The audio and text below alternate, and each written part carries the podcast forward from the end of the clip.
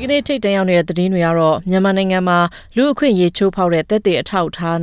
တန်းနဲ့ချီကို Facebook ကကုလသမဂ္ဂရဲ့မြန်မာနိုင်ငံဆိုင်ရာလွတ်လပ်စွာစုံစမ်းစစ်ဆေးရေးရန်တရားကိုပေးအပ်လိုက်တဲ့ဆိုတဲ့အကြောင်း ပြည်내နဲ့ဒေသအစိုးရတွေကသာ pandemic leave payment ရဲ့တဲ့တန်းကိုထပ်တိုးမယ်ဆိုရင်ထောက်ခံသွားဖို့ရှိတယ်လို့ဝန်ကြီးချုပ်ကပြောဆိုလိုက်တဲ့အကြောင်းနဲ့ရုရှားလက်ထဲကနေမြေတချို့ကိုပြန်လည်ရယူနိုင်ပြီလို့ယူကရိန်းကပြောလိုက်တဲ့သတင်းတွေအပြင်တခြားထူးခြားတဲ့သတင်းတွေကိုလည်းနားဆင်ရဖို့ရှိပါတယ်ရှင်။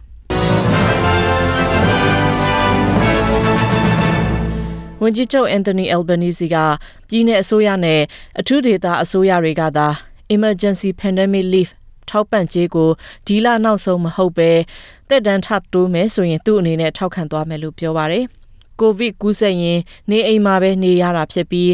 ခွင့်ရက်တွေမရှိရင်တော့ပတ်စံတွေရဖို့ pandemic leave ထောက်ပံ့ကြေးကိုရှောက်ထားနိုင်ပါတယ်။နေအိမ်မှာတည်တံ့ခွဲခြားနေထိုင်ရရင်အစိုးရကဒေါ်လာ950အထိထောက်ပံ့ပေးတာဖြစ်ပြီး Green Party နဲ့ တမကအဖွဲ့တွေကတော့အဲ့ဒီထောက်ပံ့ကြေးကိုယောဂရှိတဲ့အခါခွဲခြားနေထိုင်ရတဲ့ကာလတစ်လျှောက်လုံးဆက်လက်ပေးသွားဖို့ ACT New South Wales နဲ့ Victoria အစိုးရတို့ကိုတောင်းဆိုထားတာဖြစ်ပါတယ်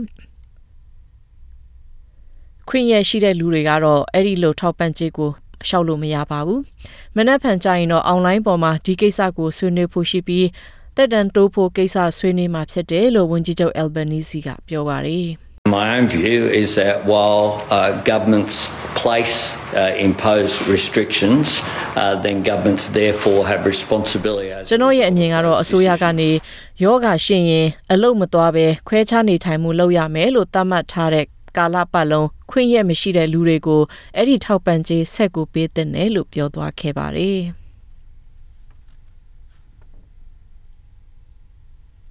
ဗစ်တိုးရီးယားပြည်နယ်က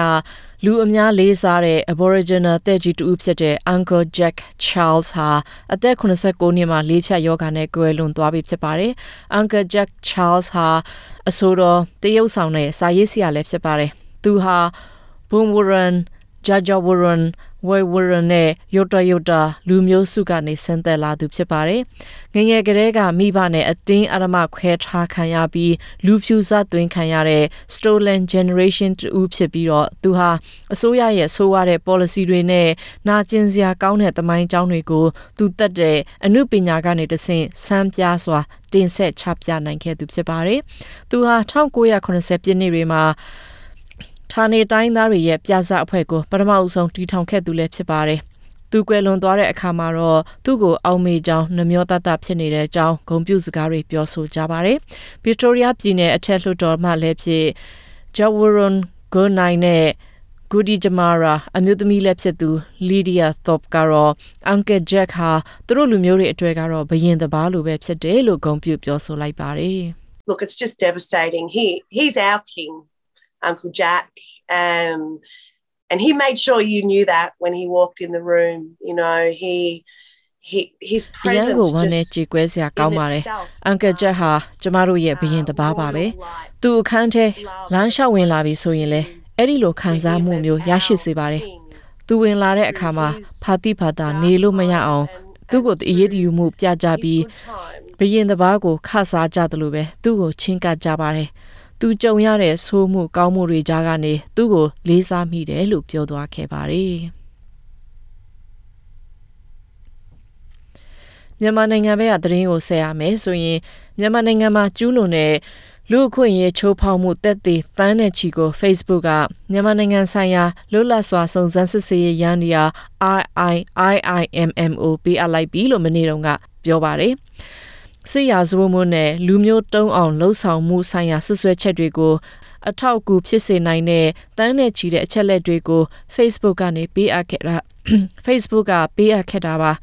IMMM လို့ခေါ်တဲ့လွတ်လပ်စွာစုံစမ်းရေးရန်ရာကို2018ခုနှစ်တုန်းကကုလသမဂ္ဂလူ့အခွင့်အရေးကောင်စီကဖွဲ့စည်းပေးခဲ့တာဖြစ်ပြီးနိုင်ငံတော်အဆင့်ဒေသဆိုင်ရာအဆင့်နဲ့နိုင်ငံတကာအဆင့်တရားရုံးတွေကိုတင်ပြသွားဖို့စုံစမ်းစစ်ဆေးနေတာပဲဖြစ်ပါတယ်။ Facebook လိုလူမှုကွန်ရက်ကိုအသုံးပြုတဲ့မြန်မာတချို့ဟာ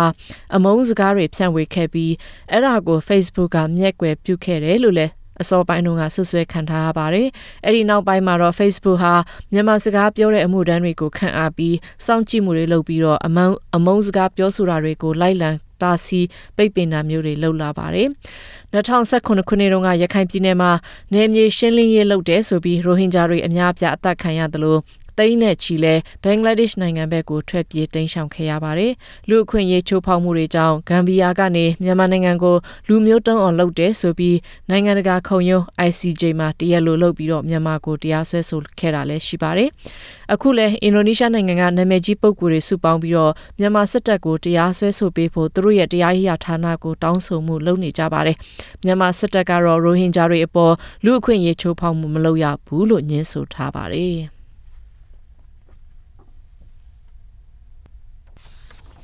ရှမ်းပြည်နယ်တောင်ပိုင်းမိုးပြဲမြို့မှာ စစ်ကောင်စီနဲ့ PDF တပ်တွေအကြားတိုက်တိုက်ခိုက်မှုတွေငြိမ်ချသွားပြီဖြစ်ပေမဲ့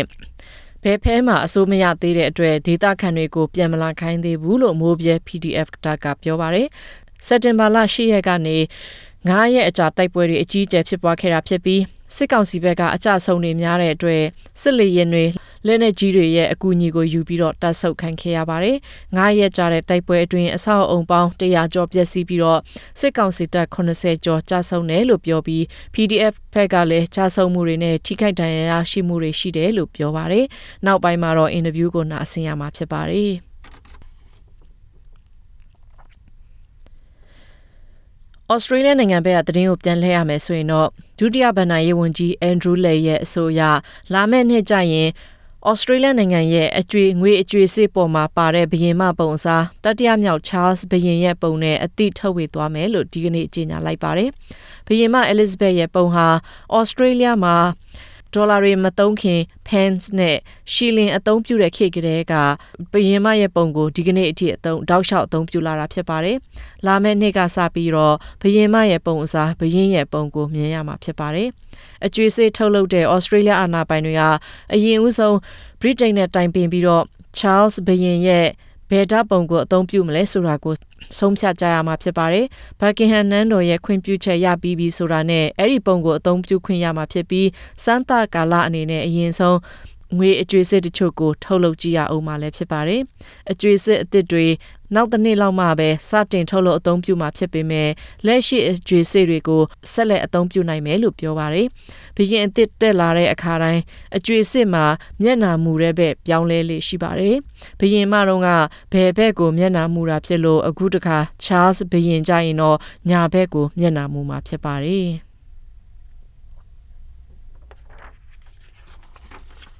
ဩစတြေးလျနိုင်ငံဟာတတိယနှစ်ဆက်တိုက်ဆိုဆုတဲ့ရာသီဥတုဒဏ်ကိုခံစားရဖို့ရှိနေပါတယ်။မိုးလေဝသဌာနရဲ့အဆိုအရဩစတြေးလျအရှေ့ဘက်ခြမ်းမှာလာနီညာရာသီဥတုဖြစ်စဉ်ဖြစ်ပေါ်နေတာကိုတွေ့ရပြီးမိုးများမယ်လို့ပြောပါတယ်။လွန်ခဲ့တဲ့နှစ်ကတည်းကဩစတြေးလျဟာလာနီညာရာသီဥတုဖြစ်စဉ်နဲ့ကြုံခဲ့ရလို့ရေကြီးမှုတွေတောက်လျှောက်ကြုံခဲ့ရတာပါ။လာနီညာရာသီဥတုဖြစ်စဉ်အတွင်းခါတိုင်းထက်မိုးများမှာဖြစ်ပေမဲ့ လာမယ့်နှစ်အစောပိုင်းလောက်မှာပဲပြီးဆုံးသွားမယ်လို့ခန့်မှန်းထားပြီးခန့်မှန်းတဲ့အတိုင်းမှန်ခဲ့မယ်ဆိုရင်တော့အရင်နှစ်နှစ်တုန်းကထက်အခြေအနေကသက်သာမှုရမှာဖြစ်ပါတယ်။လွန်ခဲ့တဲ့နှစ်ကြိမ်ကဖြစ်ပေါ်ခဲ့တဲ့ရေကျူးမှုတန်ကိုဩစတြေးလျအရှေ့မြောက်ပိုင်းမှာအခုအချိန်ထိဆက်လက်ခံစားနေရဆဲဖြစ်ပါတယ်။